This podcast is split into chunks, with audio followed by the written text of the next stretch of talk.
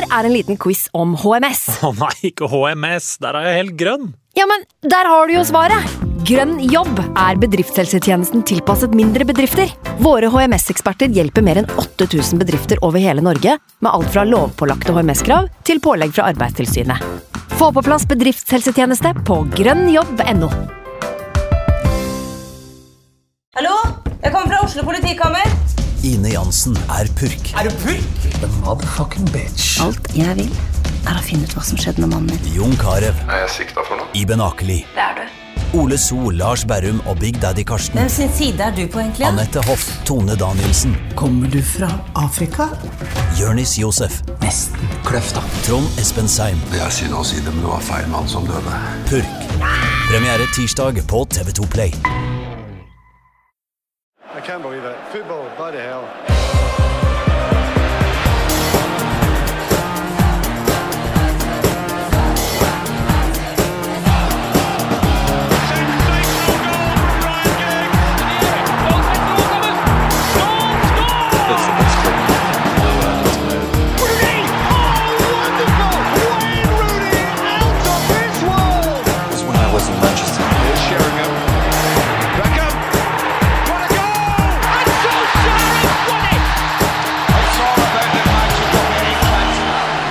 Michael Carrick har gitt seg som midlertidig United-manager med hevet hode, vil man kunne si. Ralf Ragnhild er nestemann som skal prøve å få Manchester United helt til topps igjen. Velkommen til United We Podcast. Jeg heter Ken Vasenus Nilsen. I dag så har jeg med meg United.no-redaktør Dag Langerød. Hallo, Dag. Det kom en tysker fra Moskva som visste hva United måtte ha. Han var professor, ikke noe sjarmtroll.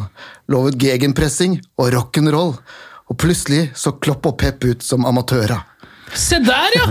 Der starter vi fankeren med, med et uh, limerick. Det, Er det hver gang? det er nytt. Nei, det er helt nytt. Fullstendig nytt. Uh, tusen takk for det, da. Vær så god. Eivind Bisgaard Sunde, Bundesliga-kommentator i Viasport. Velkommen til deg også. Tusen takk. Du er her jo for å snakke først og fremst om eh, Uniteds nye manager, Ralf Ragnhild. Det skal vi um, gjøre litt sånn ettertrykkelig mot slutten av dagens podkast. Hva er ditt forhold til Manchester United sånn ellers? Din bror er jo uh, ellevilt stor fan. Sven uh, har jo vært uh, veldig stor Manchester United-fan hele livet. Jeg har jo mitt uh, største fotballminne kanskje som, som fotballspiller sjøl. At jeg spilte mot Manchester United for Vålerenga på Bislett. Ja, du stemmer det! Uh, Du har spilt for Vålerenga eh, og spilte den uh, treningskampen mot United. Som endte 2-2. Ja, Så kom inn på ti minutter før slutt. Spilte venstre kant mot Dennis Irvin. Eh, har aldri løpt så mye i hele mitt liv. Var ikke borti ballen. Du var ikke borti ballen, Jeg var ikke borti ballen. Det er liksom det triste. da. Men det er en veldig fin historie. egentlig, jeg har fortalt den mange ganger, men det var, Vålerenga hadde en veldig stor stall på den tida jeg var på en måte nummer 26 eller 27 i stallen. Og så var det sånn at Alle skulle få spille en omgang, men så gikk jo ikke det opp. Nei. Fordi at det var jo for mange spillere. Så endte opp med at alle spilte, de bytta elleve mann i pausen utenom meg, så jeg satt igjen og var innbytter i andre omgang. Og jeg var jo 18 år, så det var jo stort, da. Og så, ti minutter før slutt, så legger Viggo Strømme seg ned og faker en skade. For å få bytta ut seg sjøl, sånn at jeg skal få ti minutter. Ah, det er vakkert! Så han bare 'Nå må dere få inn på Eivind!' Så ligger han der, så var han egentlig ikke skada. Men uh, de, alle skulle liksom spille en omgang, men uh, han tok da og lata som han var skada. Håra reiser seg faktisk litt grann her, og du har faktisk spilt i en ordentlig A-lagskamp mot United. Ja, det det, er er, helt sjukt. det er imponerende, det må jeg si. Det det var si. jo, de ble jo treble-mestere. Ja, Det var den gjengen. De hadde et ok lag på den tida. Ja. Kan du eh, huske noen av de som uh, imponerte deg på banen? For jeg ser for meg at altså, Selv om du jo var profesjonell fotballspiller og sikkert tenkte at du skulle bli uh, toppspiller på den tida, her, Mm. så må man jo bli litt grann eh, tilskuer også, når man spiller mot Manchester United. altså litt sånn, Bare stå og se på hva som skjer der ute, egentlig. Jeg husker egentlig ikke så nøye det, men jeg, jeg husker at Petter Schmeichel var veldig på en måte, veldig stor. Ja. Det er på en måte, altså han, var en, han var en sånn kjempe, nesten sånn som kom ut av et Boeing-blad. på en måte. Ja, ja. Så stor uh, var han, det husker jeg. Så var det en sånn Det som var at det var en, uh, en uh, mottakelse, hva det heter for noe, altså en middag etterpå på, på Holmenkollen Park hotell. Og der, Jeg har aldri vært på så fint sted noen gang. for Jeg var jo 18 hadde aldri vært så, hadde, hadde ikke dress engang. Eh, og vi måtte gå i dress. Jeg måtte låne min onkels dress. Han hadde en Han veier sikkert 100 kilo, jeg veide 70. Eh, Men vi var like høye, så jeg kom svømmende i en sånn Hugo Boss-dress. da. Men det var litt stilen på den tida der også, og litt for store klær. Det er jo 90-tallet. Det kan ha vært det. kan være. Jeg følte, jeg følte meg ikke helt hjemme, og så kom vi på den, eller på den uh, middagen der og skulle spise der, og da kom jo uh, Det var jo York og Cole som var spisbare på den tida. Og de uh, kom, altså Alle kom jo i joggedress, da. Ja. Altså Alle Vålerenga-spillerne kom i dress, mens eh, United-spillerne kom i joggedress. Jeg husker eh, Andy Cole satt på middagen. eh, og det var sånn, sånn type fin Jeg vet ikke hvor mange retter det var, men det var sånn fin middag. Hvor han hadde en ekstra stol til beina sine. Hadde slippers, ikke sokker. Og, had, og satt liksom med beina sånn rett ut, med tallerkenen i den ene hånda og bare gafla innpå, liksom. Mens jeg hadde da kledd meg i verdens fineste dress og kosa meg. Så det, Ja, For et høydepunkt i livet det der må være, Eivind. ja. Um, vi skal snakke om to kamper i dag. Vi skal snakke om kampen mot Chelsea uh, og kampen mot Arsenal. Um, Carricks to siste matcher, uh, og blant hans to første matcher som uh, midlertidig Manchester United-manager. Men aller først, eh, Dag, du har ikke vært her eh, siden Ole Gunnar Solskjær fikk sparken. Hvordan har den tida eh, post Solskjær vært for deg? Oi. det, nei, det er mye følelser. Eh, jeg skjønte jo hvor det kom til å gå, og det skjønte jeg jo egentlig etter Liverpool-kampen. Eh, og så ble det jo litt seigpining. Eh, men når Og så visste vi at han kom til å forsvinne etter Watford. Men når den meldinga kom, da merka jeg at faktisk følelsene tok litt overhånd, så da satt jeg og småsippa litt, uh, egentlig der sånn, og jeg skjønte ikke at det kom til å skje, så jeg var litt sånn overraska over meg sjøl og måtte liksom fortelle det til kona og se hva som skjer nå, liksom. Og så gikk det greit igjen, og så plutselig så hadde han den avskjedstalen sin på kvelden, og da satt jeg og sippa litt igjen, da. Ja. Når han også ble rørt og snakka liksom om uh, Carrick og de rundt seg og alt sånne ting, og så ser vi bare det med at nå Michael Carrick som ga seg igjen da etter kampen i går, så er det liksom sånn Når du ser Altså når vi ser hvordan de oppfører seg, hva slags mennesker de er, da eh, Så blir jeg liksom litt, eh, litt stolt over det, men så blir jeg også litt sånn trist på, på grunn av alt den skiten som har kommet dems vei. da. Mm. For hvis det er én ting vi veit alle sammen, så er det at de har ikke gjort noe annet enn sitt beste i et forsøk på å få koll på United, og så gikk jo ikke det til slutt, og så forsvinner de ut, men at de skal få så mye hets når de er så røde Altså De er antageligvis mer røde enn øh, meg og deg, Ken. da. Eh, og så skal vi ta de så hardt. Det er et eller annet som gjør litt vondt der, for dette er hederskarer begge to. da. Um, Carrick går jo i hvert fall uh, ut av den rollen med æren i behold, uh, kan man si. Uh, vi kan starte med Chelsea-matchen, hvor han da tar en ganske eh, tøff avgjørelse. Han benker Cristiano Ronaldo. Eh, I en storkamp eh, mot Chelsea. Fjerde gang på de siste ni sesongene at CR7 ikke starter en ligamatch. Eh, Det er, en ganske, det er en ganske drøy avgjørelse å ta som eh, interim-manager uten spesielt mye erfaring. Og så starter det med at Chelsea har to ganske raske sjanser. Eh, Et kampforløp vi kjenner igjen. Manchester United altså rett bare sånn Kampen har starta, og der ligger de nesten under allerede. Sånn er jo de siste kampene vært litt. David Hea er heldigvis eh, patent, som han jo er om dagen, stort sett. da. Etter hvert så begynner Chelsea å skape litt mindre, kampen dabber dab, dabber litt av, egentlig. United får heller ikke til så veldig mye. Eh, det er liksom på en måte det nærmeste de kommer, er en dårlig brystdemping fra Sancho, hvor han egentlig er alene med keeper. Det er liksom det nærmeste de er helt i starten der, da. Um, og så er det pause på 0-0, og så skjer jo da det som er eh, kampens kanskje øyeblikk for sett med United-øyne etter 50 minutter. Da eh, er det en lang poler fra Bruno Fernandes opp mot midtbanen. Jorginho prøver å ta den ned. Eh, Sancho snapper den, går alene mot keeper sammen med Marcus Rashford eh, og kjører den gode gamle 'kommer jeg til å spille ballen', eller 'kommer jeg til å sette den sjæl', blikkfinta. Setter den sjæl til slutt. Eh, og stor jubel nede ved sida, og jeg tror det var litt sånn forløsende er du ikke enig i dag for alle Manchester United-supportere. fordi denne kampen her kunne ha gått begge veier, så sitter man plutselig med en billig ledelse etter 50 minutter mot serielederen.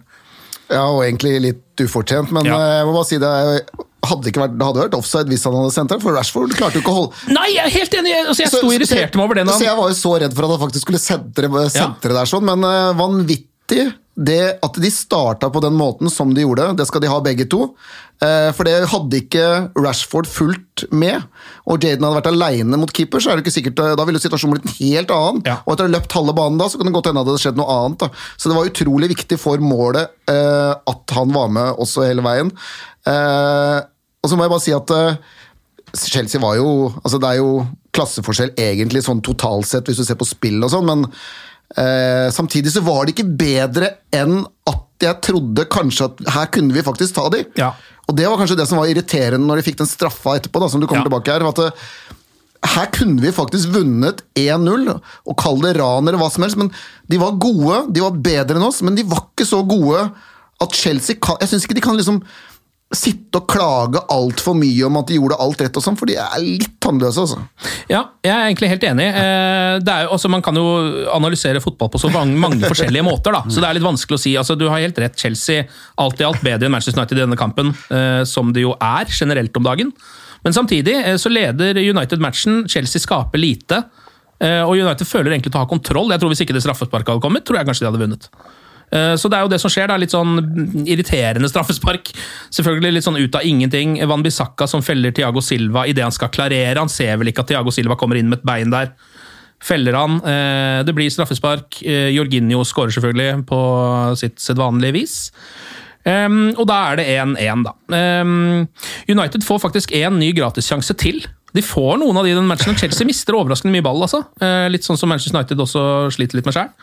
Etter 87 minutter, Fred som får ballen av Mendy, keeperen til Chelsea. Eh, Ronaldo er i feltet. Fred prøver å løfte ballen over selv. Vi har alle prøvd det på eller, du, har- du som har spilt for Vålerenga, har sikkert prøvd det. Altså, hvis du får en sånn sjanse, så må du bare prøve av og til. Da. Så jeg, Ja, ja. Du må jo, du må jo bli matchvinner sjøl. Men kanskje hvis Ronaldo vet det. Kanskje. Kanskje hvis du hadde sett Ronaldo inn i feltet, at du hadde vurdert å spille mannen eh, til uh, guden av mål. Uh, men uansett, um, Chelsea ender opp med en kjempesjanse på slutten av matchen, de, og etter 97 minutter eller noe sånt. Det blir jo lagt til noe voldsomt i denne kampen her, da Rydiger brenner en volley. Og så er det 1-1, og egentlig så kan vi vel sånn alt i alt dag være fornøyd med det. altså, det var én uke etter at vi tapte 4-1 borte mot Watford. Yes. Eh, vi, møtte, vi møtte den klare serielederen. Kanskje, og jeg drar det langt fordi det er Liverpool har vært gode i år, de også, men kanskje det beste laget i verden i høst. Og så får vi med oss 1-1 etter der vi har vært de siste to månedene. Hvis vi, hvis vi sitter og skal begynne liksom å gjennomanalysere det å klage, da, da har vi mista et eller annet på vei der. Da. Nei, det, det var et veldig viktig poeng da, som gjør at eh, United kan opprettholde et visst momentum eh, inn mot managerskiftet. Og spesielt når det da blir seier mot Arsenal i neste match. Ehm, det er jo et gammelt rivaleri. De morsomste kampene jeg har sett, er jo mellom United og Arsenal. Eh, De med mest nerve. Jeg vet ikke om Du husker sikkert de kampene du, Eivind, selv Ja, om ja. du ikke er stor United-supporter. Ja, Keane og Vieira og den Ja. gjengen der, ja. ja, ja. Husker godt det. En litt annen følelse nå? Ja, men jeg, når jeg satt og så kampen i går, så syns jeg jo stemninga på, på matchen uh, var litt overraskende bra. Ja. Altså på tribunen. Var det ikke det? Uh, mye folk som sto og hoiing på en måte hele veien, men det var jo en gøy match òg. Ja, ja. Altså, det skjedde mye, men jeg syns at uh, ofte de siste årene når jeg har sett kamper fra eh, fra Old Trafford, så har det vært litt sedat. Ja. Uh, så jeg følte at, liksom, at det var At det føltes litt som en storkamp igjen? det føltes litt som en storkamp, og så føltes det litt som at uh, det var jo et United som plutselig har fått litt vinden i ryggen. Ja. At det var litt medvind plutselig, hvis det, altså fra tribunen. da. Ja, den medvinden varer jo ikke lenge i akkurat denne matchen. Eh, fordi altså det målet som eh, Smith Rowe skårer der Har dere sett noe lignende noen gang? Det er jo eh, Det starter vel med en corner, så vidt jeg kan huske. Og så er det da Fred som altså tråkker eh, David De Hea bak på akillesen, eller noe sånt nå, som gjør at han går også så kraftig ned for telling eh, at han ligger i fosterstilling idet Smith Rowe eh, på en halv volley eller en hel volley der dunker ballen eh, mot mål. Eh, en ball han hadde selvfølgelig hadde redda hvis han bare hadde enten ligget rett foran den eller stått. Stått på ett bein. Ja, Og så ser du stakkars dommeren, da, eh, som jo havner i en liten floke her. fordi eh, Hvis han hadde sett dette, her, så hadde han blåst av, for det gjør man jo når keeperen ligger nede. Det er jo, Så det er jo egentlig feil. det er jo egentlig det. En dommerfeil. Altså Det er jo feil å skal blåse av bare for keeper ligger nær. Å, ja, ja. der, tenker jeg. Men, altså, Men det gjør det jo. Ja, men Hadde alle sett det, så tror jeg de hadde spilt ut hvis de så at keeperen var nede. Og så tror jeg hadde, kanskje hadde blitt litt reaksjoner etterpå. for fordi at han ble skada av egen spiller og reiste så kjapt opp igjen. Ja, mm. Ikke sant? Det er sånn det skal være. Ja. Det er det som skal skje. Eh, Men eh, jeg kan ikke helt skjønne at dommeren egentlig skal blåse av der. Nei, men jeg gjør det ikke alltid det hvis det er altså sånn eh, Det er hodeskade skal du blåse av, men ja. ja. Men det er vel et eller annet med det Ja, jeg klikka der, altså. For det, altså, hver, altså, hvorfor er det du sier at du aldri har sett det før, Ken? Jo, det er fordi dommeren alltid blåser når keeper Og keeper rakk, han rakk å rulle ned og vende ryggen til spillet. Og dommer ser i hvert fall Vi har jo sett på hvordan Martin Atkinson så. Han så at han falt ned, og han snudde seg etterpå. og Du så til og med når skuddet kom at han tok opp eh, fløyta mot munnen og droppa å blåse. Og med en gang han da dropper å blåse, så har ikke VAR noe sjanse. Da må de godta ifølge reglene det målet der. Så dette er Martin Atkinsons valg. Nei, de må ikke godta målet hvis han går inn. Hvis det hadde vært en straffesituasjon, så hadde det, eller hvis det hadde vært angrep på keeper, så kunne jo VAR gått inn. Ja, og det var det på målet. var. Ja, ja, ja. Så det, det er sikkert han vet, for han har jo ikke sett hvem som tråkker på hvem. Nei. men han valgte jo da å ikke gjøre det alle andre dommere gjør i hele verden, å blåse når en keeper ruller ned og falt ned. Det eneste gangen du spurte bare før du fortsetter, så er det, det, det eneste gangen jeg har sett det ellers, er det, var det Tyrkia, hvor det var en keeper som falt sammen akkurat når et angrep kom, kom og da skåra altså det andre laget. Men her er det jo en situasjon som går ut i returrommet, keepere ligger nede, hvor de bare fortsetter. Og jeg tar ikke Emil Svitrov i det hele tatt, men Martin Atkinson, som jeg bare i tillegg ikke klarte å blåse opp fotballen engang! Halvparten av ballene var ikke bra nok i første omgang. I tillegg ikke klarte å få med seg saksinga senere i kampen fra Ødegaard mot Fred, og overser den. Og I tillegg dømte straffespark til Westham 14 minutter på overtid den kampen, som lar de få det her. Nei, Premier Leagues dårligste dommer. Sorry, altså. Ja, eh, der er det jo veldig høy konkurranse, da, så det er jo, de, de ordene må du stå for. Eh, eh, mange kandidater der. Eh, men ja, eh, nei, det er jo en veldig Det rar er, jo, det er en rar situasjon, men fortsatt så tenker jeg jo at det beste er å ikke blåse. Ja. Fordi at VAR vil jo ta, ta det etterpå. Hvis han blåser før ballen går i mål, så kan han ikke dømme mål. Nei. Men det, poenget er at de, de blåser alltid, Ja, de blåser, uavhengig. men det jo- det har det så på en måte, på, på mange, så det må jo være på en måte De må blåse likt, da. Og vi kommer aldri til å se dette igjen, for det dommerne kommer fortsatt til å blåse når keeper går ned. Jeg tripper også at det som skjedde i går, kommer til å føre til at de kommer til å blåse ekstra mye, fordi de vil ikke havne i samme situasjon en gang til. Selv om vi i utgangspunktet kanskje kunne vært enige. Og jeg er helt enig, kanskje David G har falt for lett. Uh, han Morten Langli snakka jo om at, til og med at han kanskje filma, ah, som om det skulle Altså Det er så mange rare ting her, da. Eh, men han falt kanskje for lett. De får beskyttes kanskje for mye keepere. Eh, men poenget er vi vil aldri se det igjen, og vi har aldri sett det pga. at dommerne aldri gjør som Martin Atkinson gjorde i går. Og jeg, jeg, jeg skjønner ikke hvorfor han, han ser David De Gea nede, tar fløyta mot munnen og dropper å blåse. Men det går så fort, tror jeg. Ja, jeg, tror, tror bare at han jeg, tror det er to, ja, ja. jeg tror det er to ting. Det ene er at det går ganske fort. Det er veldig, eh, altså det eneste spilleren som virkelig får det med seg, er, altså bortsett fra David Heia, er jo Fred. Han står og vinker noe veldig. eh, Og prøver å påkalle oppmerksomheten. og ligger, Nå er det død keeper her, vi må få spilt ut ballen.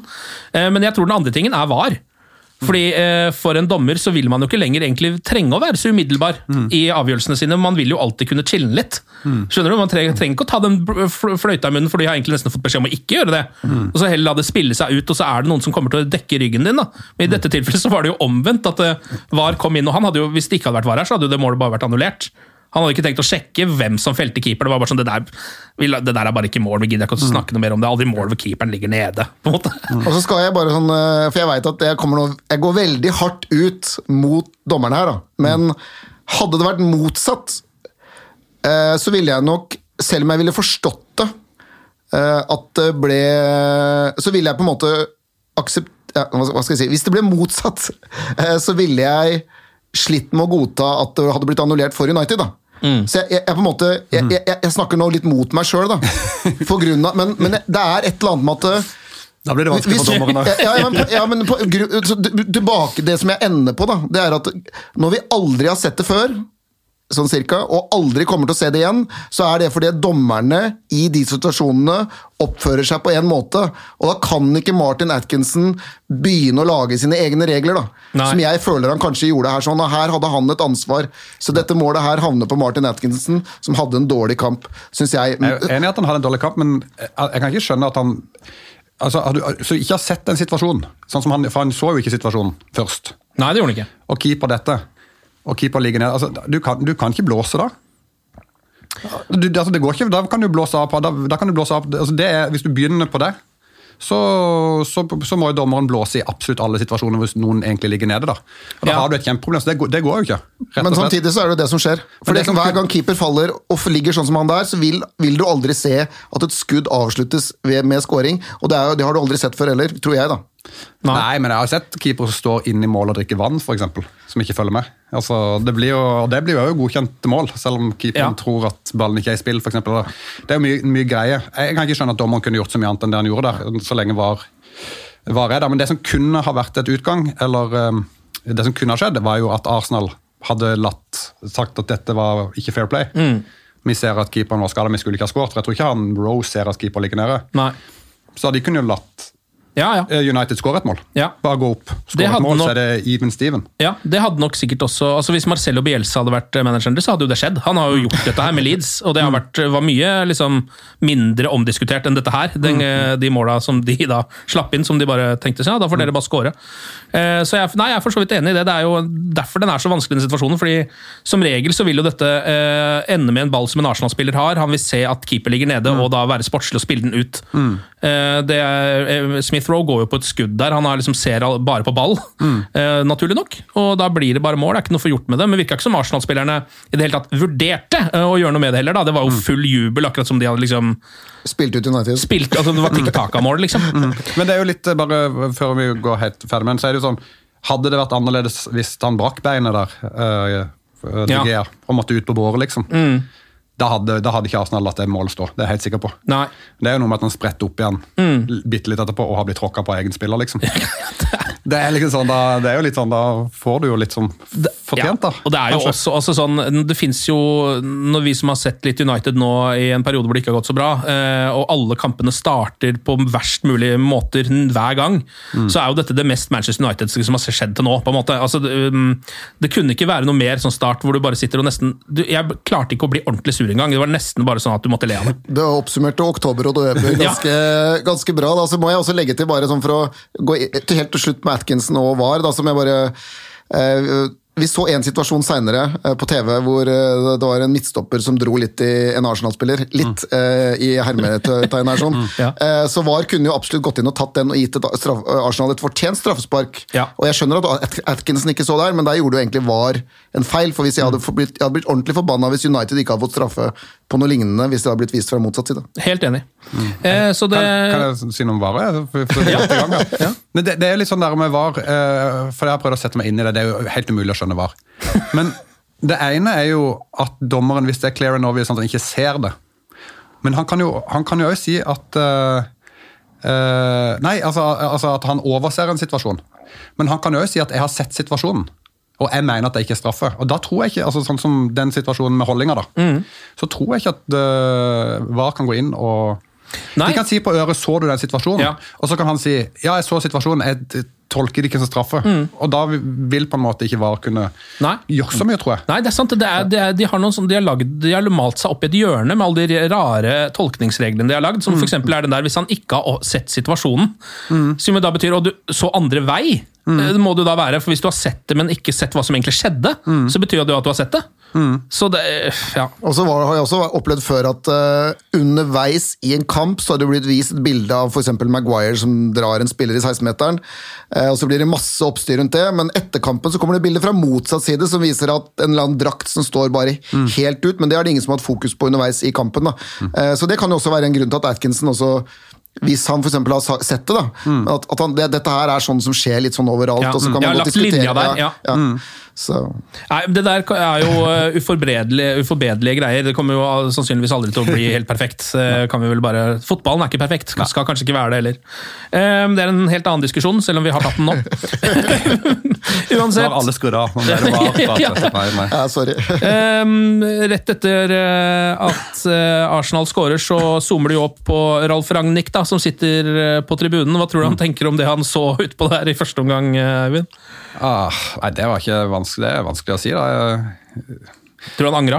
Nei, det tror jeg ikke. Jeg tror han har seg. Jeg tror han har um, hatt lyst til å ha en sånn jobb som dette uh, i hele livet sitt. Ja. Så vidt jeg har skjønt. Ja. Så jeg tror at uansett hva han hadde sett i første gang, så ville han vært veldig fornøyd. Uh, han er sikkert fornøyd med å få tre poeng, og så er det jo veldig greit at ikke alt går på skinnet før han tar over òg, for da kan han jo forbedre Ja. litt, liksom. Ja. Så jeg tenker at uh, Det var jo veldig sånn tydelig når han hadde sin pressekonferanse fredag morgen i dag, da, hvor han, han, han tida Han snakka aldri om denne førsteomgangen i det hele tatt. Eller han gjorde et poeng ut av at det var ting som var bra bedre i andre omgang. Men Ja. eh, Så du spurte om førsteomgangen. Han var eh, ikke imponert over det United drev med. første Nei, for det snakka han rett og slett ikke om engang. Nei, han framheva litt av det som skjedde i andre omgang, Ja. og moral og litt deler av presspillet litt da, men uh, første omgangen, nei. Nei, og det er jo forståelig. Det er jo ikke en veldig god omgang. Um, Fred er jo kanskje det, han, han har jo en rein stinker av en førsteomgang. Altså, du kan nesten ikke ha, ha en verre førsteomgang som en sentral midtbanespiller. Han mister fem-seks ganske farlige baller, feilpasninger, han tråkker ned David altså det blir 1-0 til Arsenal. Eh, men så får han jo en liten eh, redemption da, mot slutten av førsteomgang. første omgang. Ehm, hvor Sancho får ballen uh, av Maguire, så vidt jeg kan huske. Som jo uh, Veldig mange United-mål starter sånn, med at Maguire er litt utafor 16-meteren. Eh, finner Sancho i dette tilfellet, som utfordrer, går rett på, sånn som han ikke gjorde i starten. Som han har begynt å gjøre nå, som er det vi vil se av Jaden Sancho. Eh, spiller ballen til Fred som med en sånn litt rar, rart hælspark. Blander innsidehælspark. Eh, får den ut til Bruno. Bruno setter den kontant. Forløsende, forløsende jubling, forløsende mål, og det er da 1-1 til pause, i det minste. Jeg vet ikke, Eivind, det du har sett av Jaden Sancho så langt, du som har fulgt eh, nesten hele karrieren hans eh, gjennom Bundesliga. Jeg har vel sett så å si alle kampene sine i Tyskland. Ja. Eh, nei, Det har jo vært helt sjokkerende at han ikke har fått det til. eh, Ja. For han var så god og leverte så mye mål og målpoeng eh, uke inn og uke ut. Og uh, var jo, i hvert fall i mine øyne, den eh, mest spennende spilleren i tysk Bundesliga i mange år. Da, da var jo Kai Havertz der, og det var jo mange andre veldig gode, gode spillere, men han var jo den, den beste, og som hadde liksom Det der at han kan utfordre én mot én, var han jo veldig god til. Men det at han alltid spiller den riktige pasninga, sånn som han gjør til Fred, da, Ja. i den situasjonen der, det gjorde han jo hele tida. Han, han traff alltid på de der pasningene. Alltid liksom i rett tid, eh, på rett måte med rett teknikk. Alt satt liksom. Og jeg trodde at det der, det er jo ikke noe du kan miste fra å gå fra den ene klubben til den andre. Nei, man skulle ikke tro det. Men så plutselig så er det helt stopp, da. Ja. Så nei, det har overraska meg veldig. Han har begynt å komme seg litt nå i det siste, da, men eh, det er fortsatt langt til toppnivået der, eller? Eh, Jeg synes han var ganske, De gangene han ble brukt eh, i går, syns han jo var god. Mm. Men han var vel mye mer involvert i, i Dortmund, så mye mer av spillet gikk til han. da. Ja. Eh, Det er klart at det er vanskeligere når du har eh, eh, Fernandes som er i den posisjonen og med den statusen han har. da. Og Så skal du gi ballen litt til Ronaldo der også. Så det er jo litt Men lå han mer sentralt Uh, Nei, han lå, men han lå og dreiv på den litt på begge kantene. da. Det gjorde han jo i går òg. Starta Ja. på høyre, over på venstre. Ja. Um, og det har han jo gjort, gjorde han jo i Dortmund. Så Nei, men altså, Dortmund har jo kanskje oftere kanskje litt mer ball. Jeg vet ikke hva som har vært greia, og på en måte en bedre plan til å få ballen opp, opp dit. da, men Mm. vel- har vært uheldig, da, for han, han kom jo seint etter EM, ikke sant? og så klarte han å pådra seg en, var det en øyebet, Akkurat som han bada for mye på ferien og kom med øyebetennelse tilbake til Manchester. Og, Så hadde han jo den straffebommen også, var ikke den letteste sommeren heller, Nei, og så brukte han tre-fire uker på å komme i gang, og akkurat når han egentlig da skulle begynne å være klar, så har jo United stinka, for å si det mildt. Da. Så da på en måte, det har vært veldig mye som har gått gæ vært gærent i United. Da. Og da kan man godt snakke om at kanskje han kunne gjort det bedre, og sånn, men eh, rammebetingelsene har ikke vært det beste, dessverre. Da. Så jeg er veldig spent på Sancho med Ralf Ragnhild, og jeg, han er vel en av de spillerne jeg forventer på en eller annen måte kan gjøre litt av den jobben som Ragnhild ønsker, samtidig som han er det som ja, det du sa sjøl i stad. Jeg, jeg har intervjua deg noen ganger de siste åra på United.no om Jaden Sancho, og jeg, alltid så sier du det der med at han er så god på den der sistepasninga. Jeg ser for meg, hvis United vinner ballen høyt, Jaden får ballen, motstandere er i, ikke på en måte balansert, da kan han bli kjempefarlig, da, og et vanvittig angrepsvåpen for United nå utover. Jeg tror det. Og så syns jeg jo eh, bare mm, det målet der eh, var jo et sånt Nesten et sånt Dortmund-mål som du ofte så. da, Ja. hvor det kom, Nå er det jo Bellingham som kommer på det løpet som Fred hadde. eh, og så på en måte legge tilbake, og så er det bare så skuffe han i mål. Og det, akkurat den bevegelsen til Fred Jeg, jeg skrev til min bror liksom hvor blir det av løpene fra midtbanen? For det kommer jo aldri noen der. ikke sant? Og det er jo så vanskelig for et forsvar å plukke opp eh, hvis Jaden Sancho har eh, ballen ut på kanten, eller Rashford, og så kommer det en midtbanespiller litt sånn seint opp inn i feltet. For Mm. den er vanskelig å plukke opp, Ja. og det er vanskelig å få markert, og det er vanskelig for forsvar å, å ta det ut. Men det, fram til da så tror jeg ikke det var ett sånn et løp. Nei. Og så plutselig så kom det. Og da satt, satt han eh, for United. Ja, han gjorde det. Det er, United sliter jo litt der når de bruker eh, altså den såkalte McFred-komboen sin. At uh, ingen av de er vel de beste på å ta de løpa inn i, inn i boksen der, dessverre. Um, men ja, nei, du har helt rett i det. Men, det er jo, men ja, der syns jeg jo liksom man får se også da det som vi har uh, både slitt med og noen ganger kost oss med. Da. Altså, du får fred på godt og vondt, på en måte, i den omgangen der. Uh, sånn virkelig. Han er jo, han står på er overalt, men han gjør altså så mye rart. Eh, og Så dukker han opp til slutt, da, og ja, til slutt så ender han jo opp med en match på plussida, merkelig nok. På en måte, da. Assist, uh, assist og skaffer det avgjørende Straffesparket, Ja. Da, er det sånn, da kan du godt uh, sitte og snakke om at han har, det har vært litt sånn grums her og der, men på børsen til slutt så vil det jo antageligvis vippes opp, da, fordi du har vært med på matchavgjørende hendelser. Ja, absolutt. Eh, ok, men eh, Du sa ja. noe i stad om den ba- ballen som var litt luftig. Kan det ha vært grunnen til at det var så jævla mye pasningsfeil fra Fred i starten der? Kanskje. Helt, helt seriøst, for det var jo mye veldig sånne rare Martin Atkinson ødela for Fred også! Ja, Ja, for, det, ja, er han som popper opp ballene, mener du? det er i hvert fall ansvarlig for å sjekke det der. Ja, det, det er det var Solskjær, siden han var borte. Så ja. ja, for det er jo, Harry Maguire har jo et voldsomt utbrudd der etter at Mm. han prøver seg på en 40-meters slegge. Som, og de sitter jo alltid, det vet vi jo når Maguire altså, Da er det ballen det er noe gærent med. Mm. Åpenbart når den ikke sitter i krysset, liksom. Uh, the ball is shite! Nei, det var kjemperart. Så bytta de ball, og den var verre. og så var det, nei, det var jo, ja. Så akkurat det der Da begynner det å bli nå føler jeg, da er man litt tilbake på det, den tida hvor United aldri rakk hjemmekampene sine pga. trafikken. At bussen aldri rakk fram. Det er liksom så, det er så lavt nivå at jeg vet liksom ikke helt. Eh, men ok, eh, pause på eh, 1-1. Eh, andre omgang starter igjen, og Arsenal går rett i angrep. Har en stor sjanse på corner. Har jo generelt voldsomt mye corner i denne kampen. Um, der er jo ikke Manchester United spesielt gode, eh, verken framover eller bakover. Eh, det er vel det eneste laget som ikke har skåret på en dødball denne sesongen. Er det? Eller nå skåret Ronaldo på et straffespark. Jeg vet ikke om det Ja, corner er det vel Ja. egentlig som eh, Selv om det er, jeg vet at det er noen Jeg vet at Statsbom som vi bruker, de har gitt i ett mål, og det er for, fordi de ball i returrommet mot Westham. Men det er ikke noe direkte corner som har gått inn, eller noe sånt. Og så slipper jo United ser jo helt håpløse ut defensivt. Det er Mm. det som jeg bare For det å de, forsvare seg på corneret, det handler jo om Ja, det handler om flere ting, da, men det handler mye om altså litt mentalitet og vilje og litt sånne ting. da, så Men det skal jo hjelpe å ha litt høyde og fysikk, vil jeg tro, og det har jo Manchester United masse av. McTominay, Maguire, altså Ja, ja. ditt og datt, og Ronaldo, ikke minst. Da. Ja, så eh, ja, Det er jo nesten et mysterium, at, de, at det blir, for det blir farlig på annenhver corner imot. sånn ordentlig, Det kan nesten bli mål på annenhver corner. på en måte. holdt jo på å bli et selvmål der fra han eh, Rashford, var ikke det første omgang? Jo. Og han eh, Ja, stemmer det. Redda på streken etter et minutt eller to. Ja, ja, ja. Det, var, det var et voldsomt kjør der. Eh, og så, et par minutter ut i andre omgang, så får vi endelig se Cristiano Ronaldo eh, på hvert fall opp mot sitt beste. Herlig ball fra Bruno inn mot 16. Eh, Ronaldo vender av en mann og skyter. Ramsdale redder, den med hofta eller noe sånt nå, så vidt jeg kan se fra reprisene. Litt sånn tilfeldig nesten at Cristiano Ronaldo ikke scorer. Eh, Men det gjør han jo, rett etterpå. Eh, Fordi da vinner United ball, noe de gjør ganske mye i den matchen. her. Arsenal eh, ikke så ballsikre som de kanskje skulle ønske de var. Rashford spiller Ronaldo, han setter inn til 2-1 eh, med en litt hard breiside. Og det er hans 800. mål i karrieren. Ja. Det er et øyeblikk. altså jeg, får, jeg, da, da, da, Det der er uh, syfeiring hjemme i stua alene-øyeblikk for meg. det der, altså. Ja, ja, ja, ja.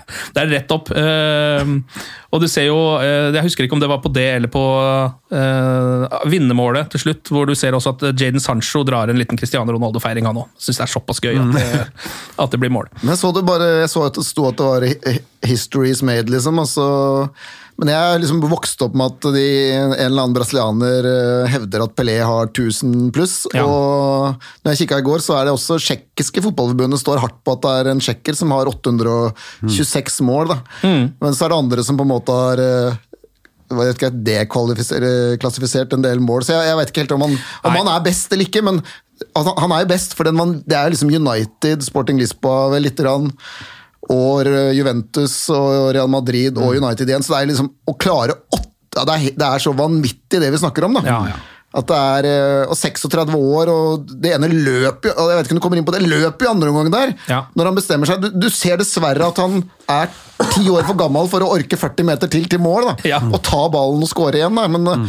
vanvittig eh, et par av de tingene du ser fra Ronaldo når han krydrer det med mål. Så nei. Eh, og så eh, er det en slags kopi av Cristiano Ronaldo sitt mål, bare at det skåres av Martin Ødegaard. uh, tre minutter etterpå, som er veldig veldig rart, Uh, men det er det som skjer. Martinelli tar Rashford-rollen, spiller inn en helt lik pasning til Martin Ødegaard, som bruker sitt dårligste bein høyre. Setter den akkurat liksom Cristiano Ronaldo, helt ned i hjørnet. Sklir av gårde på knærne, og det er 2-2. På Eh, rumpa. Ja, på rumpa, ja. Det tenkte jeg på når han gjorde det. Ja, At han ikke kjørte Solskjær. Han kjører ikke Solskjær, han er redd for knærne. Han kjører rumpa, han, tar, eh, han, han tenker på alt. Det er vel lurt. eh, Solskjær ble vel skada for livet på, det, på den feiringa der. Var jo helt sikkert verdt det, da, men, ja, for den har jo blitt så ikonisk i etterkant.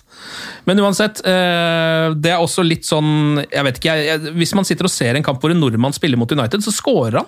Jeg skulle akkurat til å si det samme. Jeg husker Lars Bohin. Jeg følte hver gang hver gang det var en Premier League-klubb som kjøpte en eller annen nordmann på 90-tallet og begynnelsen av 2000-tallet, Det er mål. kunne bare garantere scoring. på- Egil Østenstad, fire mål! Altså, Det er ikke noe å tenke på engang. Eh, og det er så merkelig, eh, det der. Martin Ødegaard hadde jo en eh, match som eh, minna litt om Fred sin. Det var han- på hans beste og hans på en måte verste, da, kan man si. fordi eh, 14 minutter etter at han har utligna, så eh, er det jo han som eh, ødelegger for Arsenal når han eh, feller Fred. Um, Fred som henger litt igjen med det ene beinet. eh, lurt nok, taktisk nok. Eh, klar straffe, da. Ja, ja. Atkinson at han ikke altså, En ting er å liksom ikke blåse på dem umiddelbart, for han står jo bak, så det er kanskje vanskelig for han å se hvordan kontakten var, og om det var på ball, men å kjøre den derre Nei, jeg blåser det helt av. Jeg, jeg kjører, liksom, det der armbevegelsen der, sånn skråsikker armbevegelse på et klart straffespark, det er ganske provoserende. altså. Og Det er da jeg kom inn med det der VAR-greiene. for Det er da jeg ikke skjønner det er da, altså det, men det er jo ingen som skjønner det. Men, for da, da, da har han jo to, da har jo VAR to muligheter. da. Det ene er å spørre han så du situasjonen, eller øh, så har du oversett altså, Hvordan kan han overse det? Jeg kan ikke skjønne det. Nei? Så, men det, er en kan, det som jeg kunne sagt, er at jeg står For han står jo litt på sida bak. Så han, altså han har jo kroppen på en måte Mellom. mellom, så han kan ikke se akkurat om det treffer på ball eller ikke. Så, så jeg kan ikke skjønne at Da må han jo si jeg ser ikke om Jeg tør ikke å blåse straffe fordi at jeg ser ikke om han tar ball eller ikke. At, han, at han kunne kommunisert det til VAR. Han kan så, si det til VAR, og så Ja. kan VAR si ok, vi skal sjekke det. Og så kan det bli straffe, men det tok jo altfor lang tid Ja, ja, før VAR kom tilbake. Jeg hadde, jeg må- hadde gitt opp, faktisk. Ja, ja, jeg hadde jo det. Og dette var vel- ikke det straffe, liksom. Og det var vel et av de tidspunktene hvor uh, han ikke venter til ballen går ut. Gjør han ikke det? Han blåser bare av i et angrep. fordi altså, Det er ikke noe vits å fortsette å spille, for det er faktisk et straffespark på gang her. Vanligvis så venter de jo alltid til ballen går ut, og så må man se hva som skjer. da. Så jeg hadde også egentlig på en måte begynt å gi opp. Uh, og det er vel en slags VAR-regel også, at hvis det tar for lang tid, så blir det ikke noe. er det ikke det? Så hvis de bare hadde fortsatt å spille, Nei, så plutselig så eh, Den, den, er- den finnes ikke. Det, det, jeg snakka med han eh, Jo Nesbø, eh, forfatteren. Han, En av vært, folkene som er bak VAR. han, han har vært inne og rådgitt Uefa med tanke på VAR og sånn. Og det var jo en av de tingene de ville, at uh, det skulle være en tidsbegrensning på hvor langt bak for på et mål. Mm. Du kunne hente, gå tilbake igjen for Men nå er det jo sånn så lenge laget har hatt ballen, Ja. så kan, eller når, fra de vant ballen. Ja, Altså, De kaller det vel en ny situasjon hvis en motspiller er borti den, og da ja, annulleres det på en måte? Eller? Han, han ville jo at det skulle være et så og så lang tid, og så skulle all kommunikasjon være åpen. da, Fra varerommet, dommer, ut til publikum. Ja, Litt som det var under fotball-VM. da. Mm. Første gang de prøvde dette, så var det veldig åpen kommunikasjon. Dramaturgisk veldig gøy, eh, men også tidkrevende. da. Mm. Tok jo mye tid ved å bare stå og se på det greiene her. Men jeg kan, jeg kan ikke skjønne at, ikke, liksom, at, at de skal være så redd for det, sånn som i den situasjonen der med Martin Ødegaard der. Hvis vi hadde visst hva dommeren sier, Ja. hadde det vært mye lettere å vite. Hvis han hadde sagt jeg ser, ikke, jeg ser ikke om han er på ballen eller ikke, kan du sjekke det? Mm. Og så hadde vi vært, vært litt spent. Når sjekket VAR? Mm. Hva kommer de fram til? liksom? Istedenfor så er det bare, du skjønner ikke hva som skjer, og så plutselig så går det et halvt minutt, og så er det straffe. og så... ja. jeg, jeg ser samtidig for meg meg i går med Martin Atkinson. Hvis jeg bare hadde hørt Martin Atkinson si noe at 'det der må Fred tåle', da, hadde jeg, da, hadde jeg, da hadde det gått hardt varmt for seg i sofaen. Eh, hva tenkte du da straffa kom? Tenkte du nå stepper Bruno Fernandes opp, eller nå kommer Cristiano Ronaldo, Dag? Eh, siden Bruno bomma sist, så var det jo Ronaldo sin tur. Ja. Og nå er det jo Ronaldo sin tur neste gang også. Altså, Ja. Det mest spennende er egentlig hva som skjer hvis Ronaldo bommer. Er det Rashford? Eller går vi Ja. tilbake til Bruno igjen? Ja. Eh, han eh, kjører jo den eh, gode, gamle straffa eh, litt sånn lavtliggende ristspark midt i mål. Eh, sikkert og greit fra Cristiano Ronaldo. Eh, jeg var aldri i tvil om at han skulle score på den straffa, heldigvis. Skrev ned allerede i notatene mine før han skåret 3-2 Manchester United. Cristiano Ronaldo på straffe, skrev jeg. Så det å gått inn og deleta den etterpå hadde vært eh, litt nedverdigende, men det slapp jeg å gjøre. Eh, Aubameyang har en ganske stor sjanse i etterkant, eh, sånn ti minutter etter at United skårer. Eh, David Hea redder, og det viser seg å være offside. Og derfra ut så er ikke Arsenal sånn kjempefarlige. Eh, har følelsen at Manchester United kommer til å klare å um, få dette i havn, og det gjør det jo også. Et par bytter eh, underveis der. Jesse Lingard kommer inn. Eh, og vet ikke om dette er innafor å si, men litt, var han litt tykkfallen, Jesse Lingard nå? Altså, jeg syns det var litt sånn lett Anderson på slutten av karrieren. Eh, fjes han eh, kom ut på banen der med. Jeg skal innrømme at jeg sa til kona mi at jeg syns han fikk innbytterpuls litt fort. Ja, det gjorde han at han nok. kunne, at det var et par ganger han hadde ballen og kunne løpt der, hvor han på en måte ble veldig fort sliten. Ja. Det er på en måte så langt jeg er villig til å gå, Ked. Ja, han leverer i hvert fall en han redder, Jeg husker bare det første han gjør, er at han redder en corner med en sånn helt sinnssyk hælvariant. Vet ikke om dere fikk med dere det, men det er det aller første han gjør. Eh, Det er egentlig en Arsenal skal ha en corner. Han løper ned og klarer å holde ballen i spill og få den ut et innkast ved å gjøre noe som jeg ikke tror det er mulig å gjøre med hælen. Mm. Så det var det Jesse Lingards eh, bidrag til denne kampen her. Det kommer en eh, såkalt pitch invader etter 86 minutter, eh, sånn at alt bare dør litt ut, og det tar lengre tid, og man eh, får enda mer troa på at Manchester United skal vinne denne kampen. Cristiano Ronaldo blir bytta ut til voldsom applaus etter 87 minutter, inn med Antony Marcial. Donny van de Beek kommer inn for Bruno. Det blir fem minutter tillegg, så man blir litt så stressa, men det ordner seg, og det blir 3-2. Nice. Så jeg vet ikke, Dag, da kan vi jo takke av Michael Carrick, da, eh, etter hans eh, bidrag i managerstolen. Noen ord om den korte perioden hans?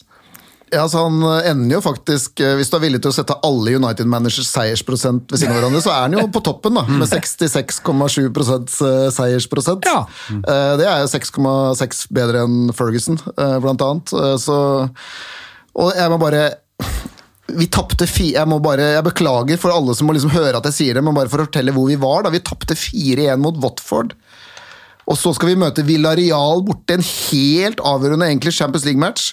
Vi skal møte serieleder Chelsea borte, og skal møte et godtgående Arsenal hjemme. Det er de kampene han fikk servert da, Ja. etter dette tapet i London mot Watford. Og så vinner vi borte mot Villarreal. Spiller ganske bra den siste halvtimen også, og har på en måte litt mer soliditet tross, tross alt. da. Vinner gruppa, er videre.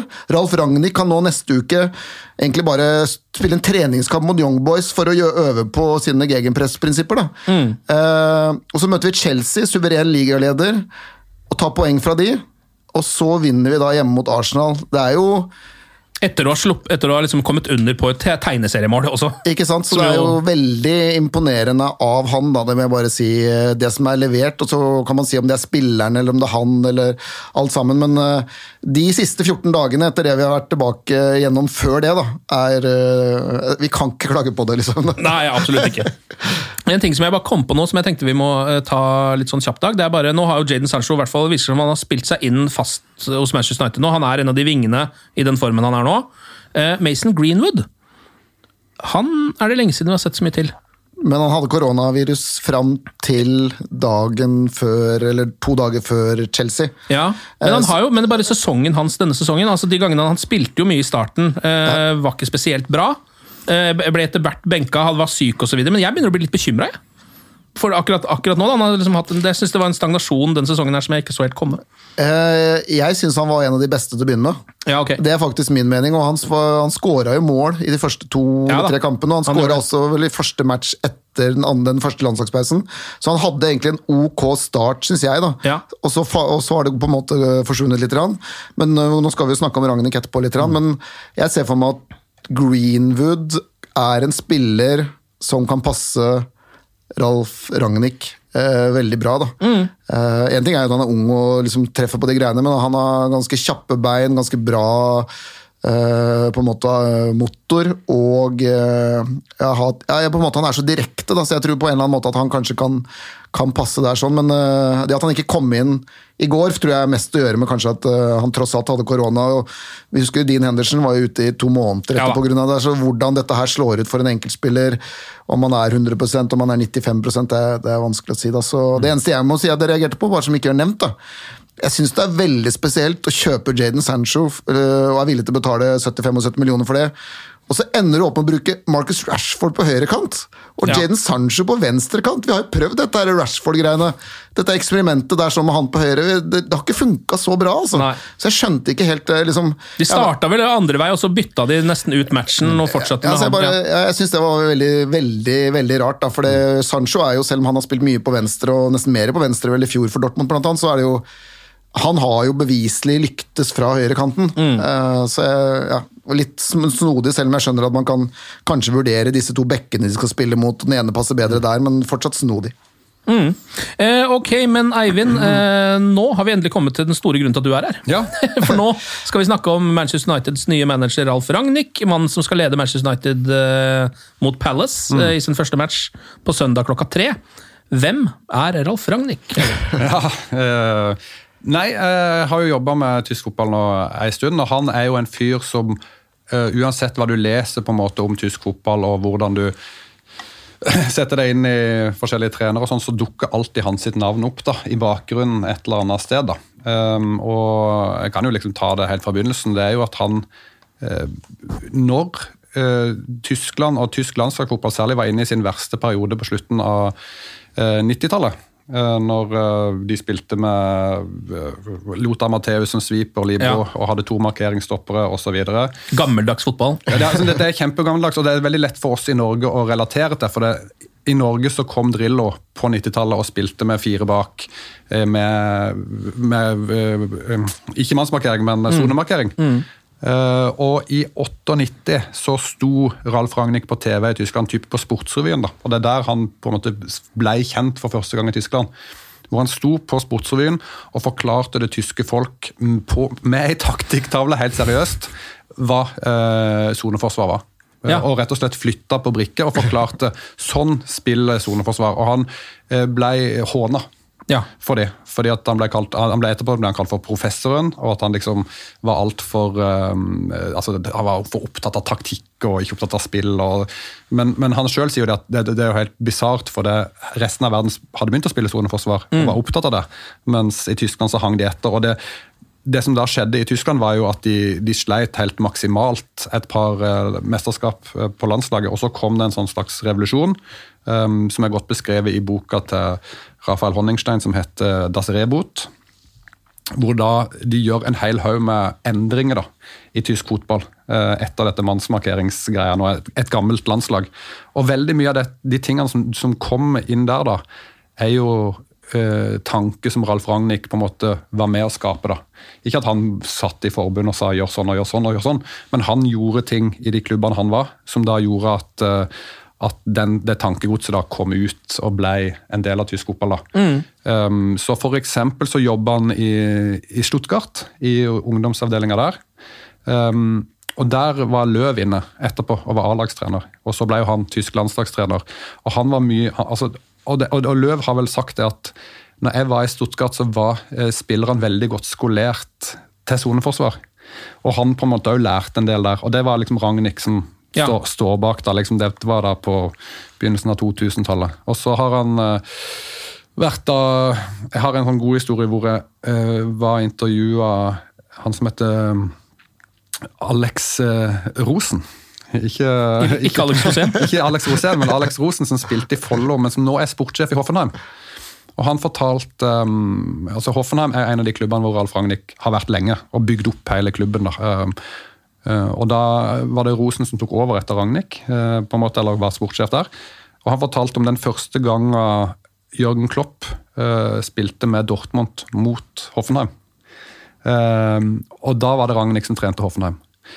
Eh, Dortmund hadde rykka Nei, eh, Hoffenheim hadde rykka opp fra andre Bundesliga istedenfor Mainz, som gjorde da at eh, Klopp ikke ble trener videre i Mainz, gikk til Dortmund. Og Så skulle de møtes i Bundesliga, Hoffenheim mot eh, Dortmund. Eh, Og Da sa Klopp etter denne kampen jeg, jeg kunne ønske at mitt lag kunne spille som Hoffenheim og som Ralf Ragnhild. på en måte. Ja. Så det var liksom det han så for seg, at det Dortmund-laget da, det var jo første sesongen ikke sant, i Dortmund, så var det liksom Ragnhild sitt lag som han brukte som forbilde for hvordan han ville forme Dortmund framover. da. Og det Mm. gikk jo veldig bra. at De kom til Champions League-finalen, vant to uh, ligagull. Så, så selv om de to aldri har jobba sammen, så har uh, Klopp på en måte vist tidlig at han likte det, de greiene der. da. Og de har jo uh, hatt samme Jeg husker han heter Gross, tror jeg, som var en sånn uh, sparringspartner til Ralf Ragnhild tidlig i karrieren, som òg har jobba med Klopp. Så, så det er liksom samme skolen, de to, da. Ja, De kaller han jo gegenpressens gudfar, har jeg skjønt. eh, Ralf Ragnhild. Men bortsett fra ge- gegenpress, soneforsvar har du vært inne på, det spiller jo alle lag, på en måte. Hva, hva slags fotball er det han står for? Nei, altså det Han står jo for uh, fartsfullt fotball. da. At det Ja. skal gå direkte fotball, uh, vil jeg si. Vanskelig egentlig litt å si hva han står for, akkurat, for han har ikke trent, trent så mange lag de Nei. siste årene. Det er jo det som er kanskje det store liksom, elefanten. Ja. Fordi at han har altså vært sportssjef i, i um, Leipzig i mange år, men har bare hatt to runder som, som interim manager. For en, Den siste perioden var nå for å vente på at Nagelsmann skulle bli klar. Og så var det en periode i andre Bundesliga hvor han ikke fant noen til å trene de, så han trente de opp eh, sjøl, da. Ja, for det, det, altså, det, Hvis man snakker om Ralf Ragnhild, Kneksen, uansett hva man snakker om som har litt peiling på fotball, så er det bare positive ord. Det fins nesten ikke noe negativt om fyren. Men eh, vi må jo nesten stille det spørsmålet hvorfor har han ikke trent større lag enn Schalke, liksom? På en måte. Altså, Hvorfor har ikke denne mannen trent en europeisk toppklubb hvis han er så forbanna dyktig? Ja, altså, han har jo Det som har vært uh, greia hans, uh, han er som når jeg spiller fotballmanager. liksom. Han bygger opp hele, absolutt hele klubben. Det er jo det som han har drevet på. Han har drevet på Ja. sånne enorme prosjekt. uh, og har fått uh, muligheten til å gjøre det. altså Først i Hoffenheim, som er en veldig spesiell klubb. Eid av en veldig rik mann. uh, en av verdens rikeste, Dietmar Hopp. Uh, var i fjerdedivisjon, tror jeg. Og så sa han til han, Først han Hansi Flick som trener, faktisk. Oh, ja, såpass, ja. ja. Og så, fikk han, eh, så kom godeste Ragnhild inn etterpå og fikk på en måte nøkkelen til pengebingen og lov til å forme klubben og laget som han vil, da. Ja. Uten innblanding fra noen. Og da rykka de jo hele veien opp. Han fikk jo tak i Luis Gustavo, blant annet. Han eh, hadde jo Edu, som spilte i Lyn. Var jo kjempegod der i den perioden. Um, så han lagde jo mye mer enn på en måte spillestilen ute på banen. Men han lagde hele klubben. da, Ja. uh, og Opplegget, hvordan, hvilke spillere du skulle ha inn, uh, hvordan det skulle trenes nedover. altså Alt. Og så gjorde han det i fire år, helt til at han da greide å bli sur fordi at de solgte Luis Gustavo. Eh, bare slutta på dagen, ville ikke mer. Og så var han, var han vel tilbake i Sjalk, eller åssen det var, men der ble han utbrent. Å ja. Så det er derfor han heller ikke har vært noen manager de siste årene, da. Ja, Da ble han utbrent, og da måtte han liksom steppe tilbake. Eh, Da var de vel i semifinalen i Champions League, tror jeg. De møtte Ja. jo United Ja. og tapte mot United etter at de hadde slått Inter 7-3 i Ja. runden før.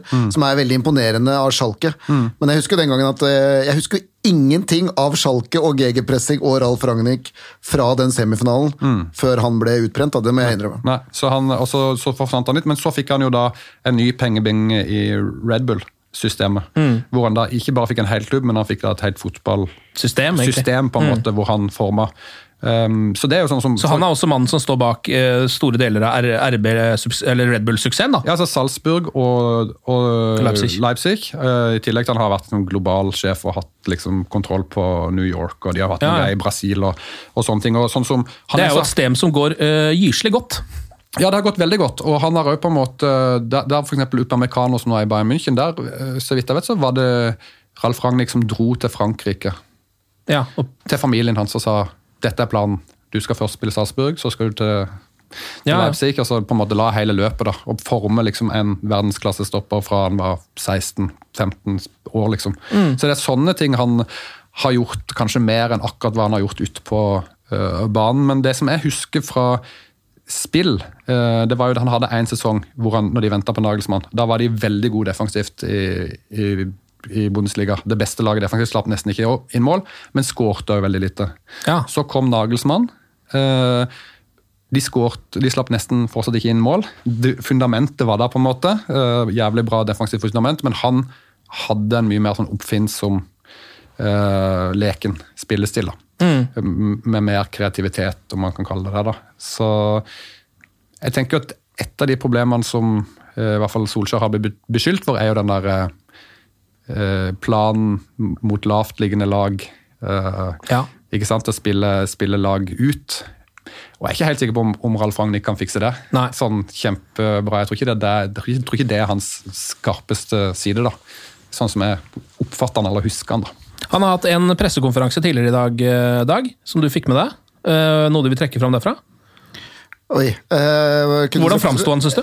Eh, nei, jeg er jo fan. Eh, det skal sies at uh, bare, nå skal jeg, Før jeg snakker om det, kan jeg bare trekke det litt tilbake til forrige spørsmål. fordi jeg har jo den jobben jeg har, og det betyr at jeg har vært så heldig de siste dagene at jeg har gått inn i Y-Scout-systemet vårt, og så har jeg faktisk sett seks 90-minuttere, hele 90-minuttere fra 2018-19-sesongen til Leipzig.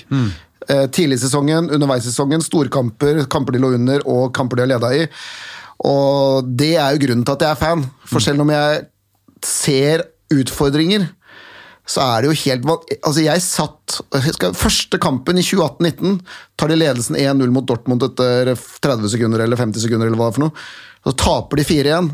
Men jeg sitter og ser nå i 2021 på Leipzig tape 4-1 og vil bare ha mer. Ja. Altså, de, de, de jaga i flokk. Han fikk, han fikk den jobben i juli. Dette var da antageligvis tidlig i august, nå har jeg ikke sjekka helt her sånn, men i løpet av én måned så jaga de samla i flokk. Eh, det var, altså på en måte Her er det ikke sånn at fire spillere presser, sånn som United av og til gjør, og så står Van Bissaka Beck tilbake. Altså Det er et kollektiv forflytning over hele banen da, som syns jeg var helt vanvittig. Og hvis jeg bare ser det i United, hvis han klarer å implementere det i United, så kommer jeg til å bli glad i det, tror jeg. da. Ja. For det, det vil være så tydelig hva vi vil oppnå. Og så må jeg bare si at vi kommer sikkert til å bli spilt av i det presset. Og de kommer til å ende i én-mot-én-situasjoner med Maguire, sikkert defensivt. Og det kommer til å være trøblete perioder her. Eh, Vi aner ikke noe om hvordan den gjengen her er mottagelig for det han har lyst til å fortelle. Det kan godt hende jeg blir kjempefrustrert, for selv om vi står høyt og vinner ballen tilbake mot Burnley 30.12., så er det som han sier, så ligger Burnley med ti mann i forsvar, da. Så klarer vi liksom ikke helt å bryte det ned, eller vi får liksom ikke helt ut det han vil, da, men det er så ekstremt tydelig. Altså, du kommer til å se sju mann som, altså, Du kommer til å se et lag som bare flytter seg med en sånn der sverm da, rundt omkring. Det er liksom utgangspunktet her. Eh, og det kommer vi til å bli glad i. Eh, og når jeg har det utgangspunktet, og så ser jeg på han i dag, sitter som en intelligent fyr. Smiler. Det så jeg aldri at hun gjorde på sidelinja, forresten. mm. I Leipzig.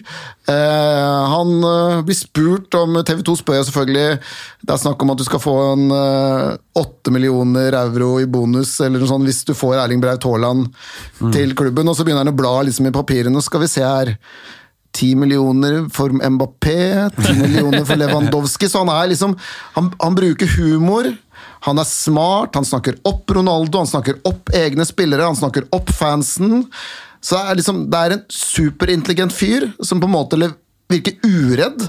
Han dro frem et eller annet med at Jeg husker at jeg sa til Leipzig-styret at uh, jeg vil anbefale dere å bruke meg ett år til. Ja. Altså det er sånn der, han Plutselig så gir han liksom litt sånne ting. Det kan godt hende at dette her er massekommunisert i tysk, eh, men vi følte liksom som vi fikk et lite innblikk i det som foregikk bak kulissene. Og han avslutta også med det siste spørsmålet var det hva er det du likte og mislikte mot Ars i Arsenal-kampen. Og mange ville da, tror jeg, da, normale mennesker ville sagt at nei, altså hva jeg mislikte. Altså det, altså De vil ha respekt for Carrick eller tidligere andre mennesker, ikke gå inn på det. Men han sier at han syns det var shaky og alt sånne ting. og Veldig uredd også, da. Så jeg syns han på en måte scora på alt. Det eneste jeg på en måte reagerte på, var at Uh, det virka ikke som noen hadde en plan for disse to åra han skal ha etterpå. Mm, Og det er liksom, det jeg liksom For, hva, altså, hva slags rolle skal han egentlig ha da? Hva er det som er planen der?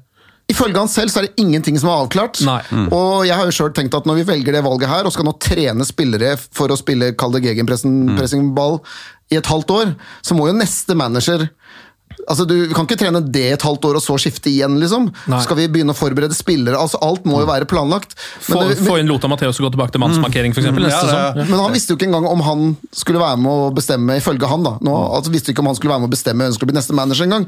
Så Det- Han var ganske åpen, men det virka liksom som det var veldig mye uavklart. da. Men det overrasker meg hvis det der stemmer, fordi at han takka jo nei for eksempel, til AC Milan eh, for ikke så lenge siden, fordi at liksom, prosjektet ikke akkurat sånn som han vil ha. Og det har jo vært litt av greia hans sin, eh, tidligere at eh, ja, det, er hans, det er på en måte hans sin måte å gjøre ting på, ellers så blir det ikke gjort. Altså, da, da bare slutter han. Altså, det er ikke noe vits å drive på med. Det, liksom, du spør hvorfor han har ikke hatt jobbe. Stuttgart eksempel, så røyk han uklar med Ballakov, tror jeg han heter, han, en sånn gammel Ja. playmaker der. Og der var, det, der var jo tidlig i karrieren, så der var det Ragnhild som røyk, og ikke stjerna, på en måte. Ja. Um, så jeg tror at Så han har, for det, det her kjenner man jo igjen i noen sånne litt sånn enigmatiske managere. altså Bielsa er jo sånn type, han òg. Som eh, på en måte, Han er en av de beste managere i verden, men han trener jo tross alt Leeds. På en måte, Det er litt, sånn, litt sånne karakterer, da.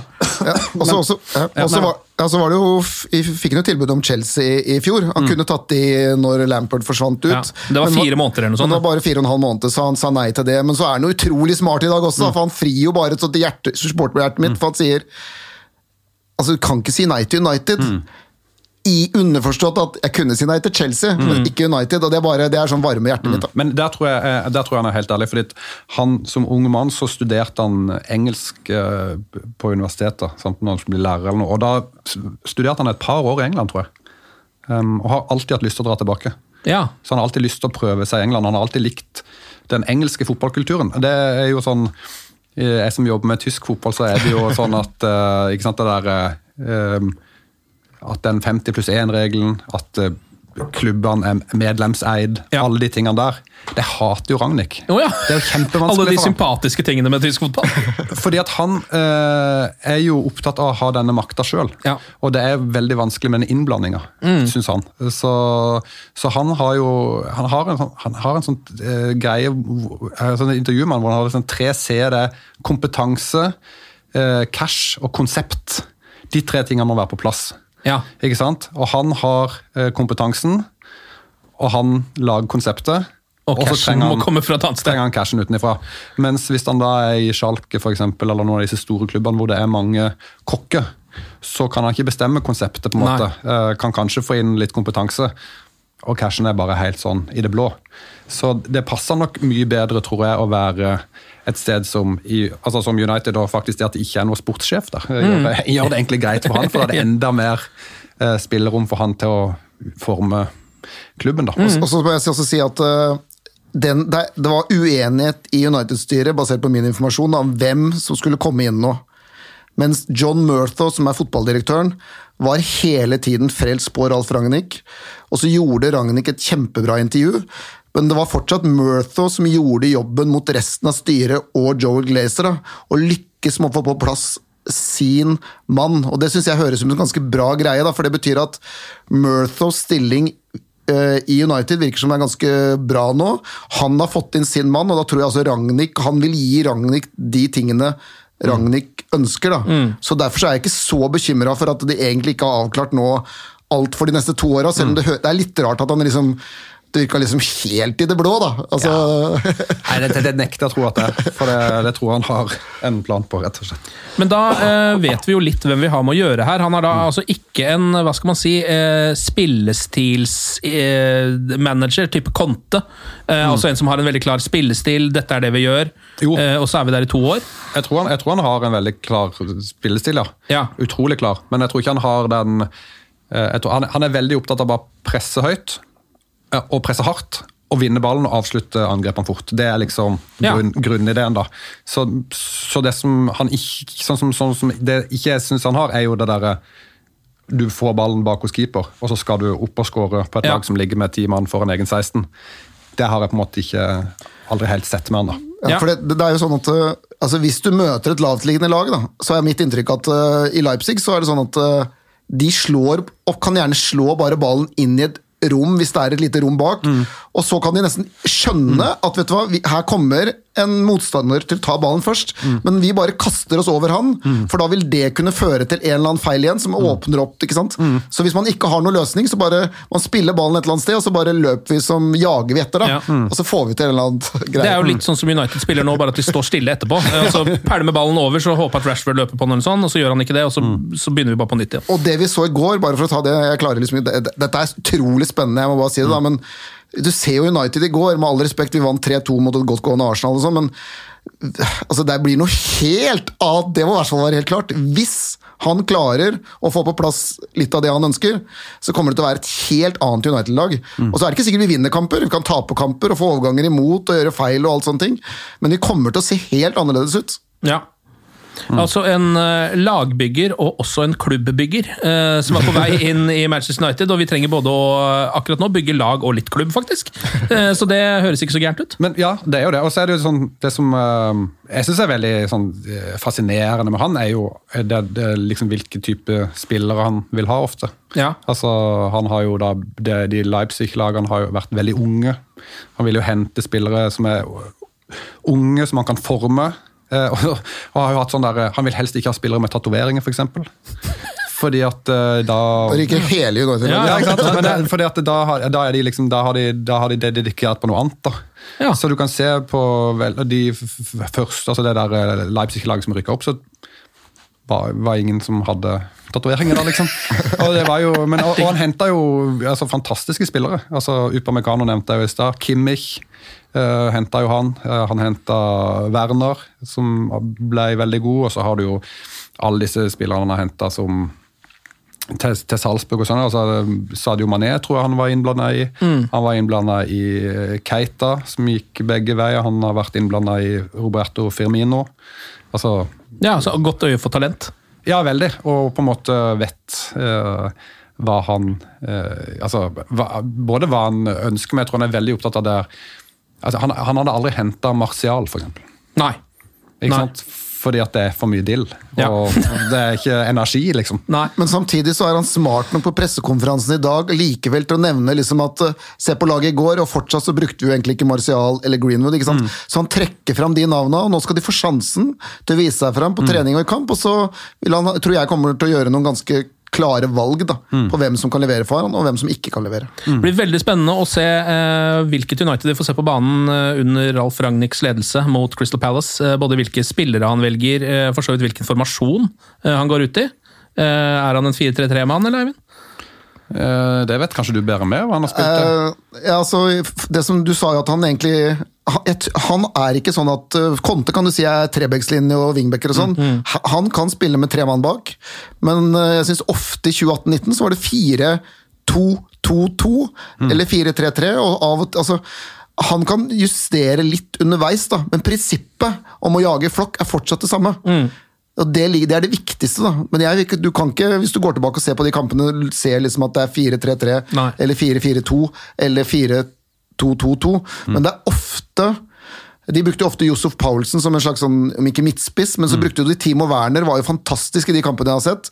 Og Upamecano var fantastisk som midtstopper. Det er de to spillerne jeg la mest merke til. I tillegg til alle disse andre som Sabitzer og co. som bare løp eh, skjorta av seg. Da.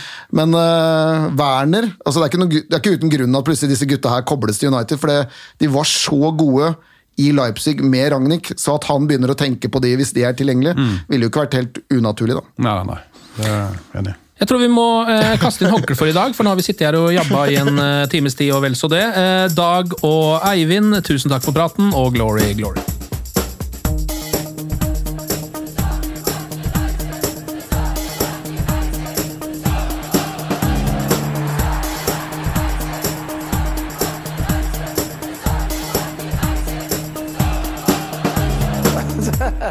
Oh, it's true. I've seen many things. Moderne media. Ukens annonsør det er matkasseleverandøren Hello Fresh. Der kan du velge mellom 25 ulike oppskrifter hver uke, eller få Hello Fresh til å sette sammen en meny for deg. Jeg sparer tid på å handle, oppskriften er veldig enkel å lage, og så får jeg akkurat det jeg trenger da, til hver eneste rett, så jeg slipper å kaste så mye mat som jeg vanligvis gjør. Det er også litt deilig å faktisk slippe å gå på butikken, ikke bare fordi det er tidkrevende, og sånn, men fordi man ender opp med å kjøpe så mye greier som man egentlig ikke trenger, sånn som fire poser eh, Smash og en kick med havsalt, eksempel. Det er ikke det du egentlig er der for, du er der for å kjøpe, kjøpe middag.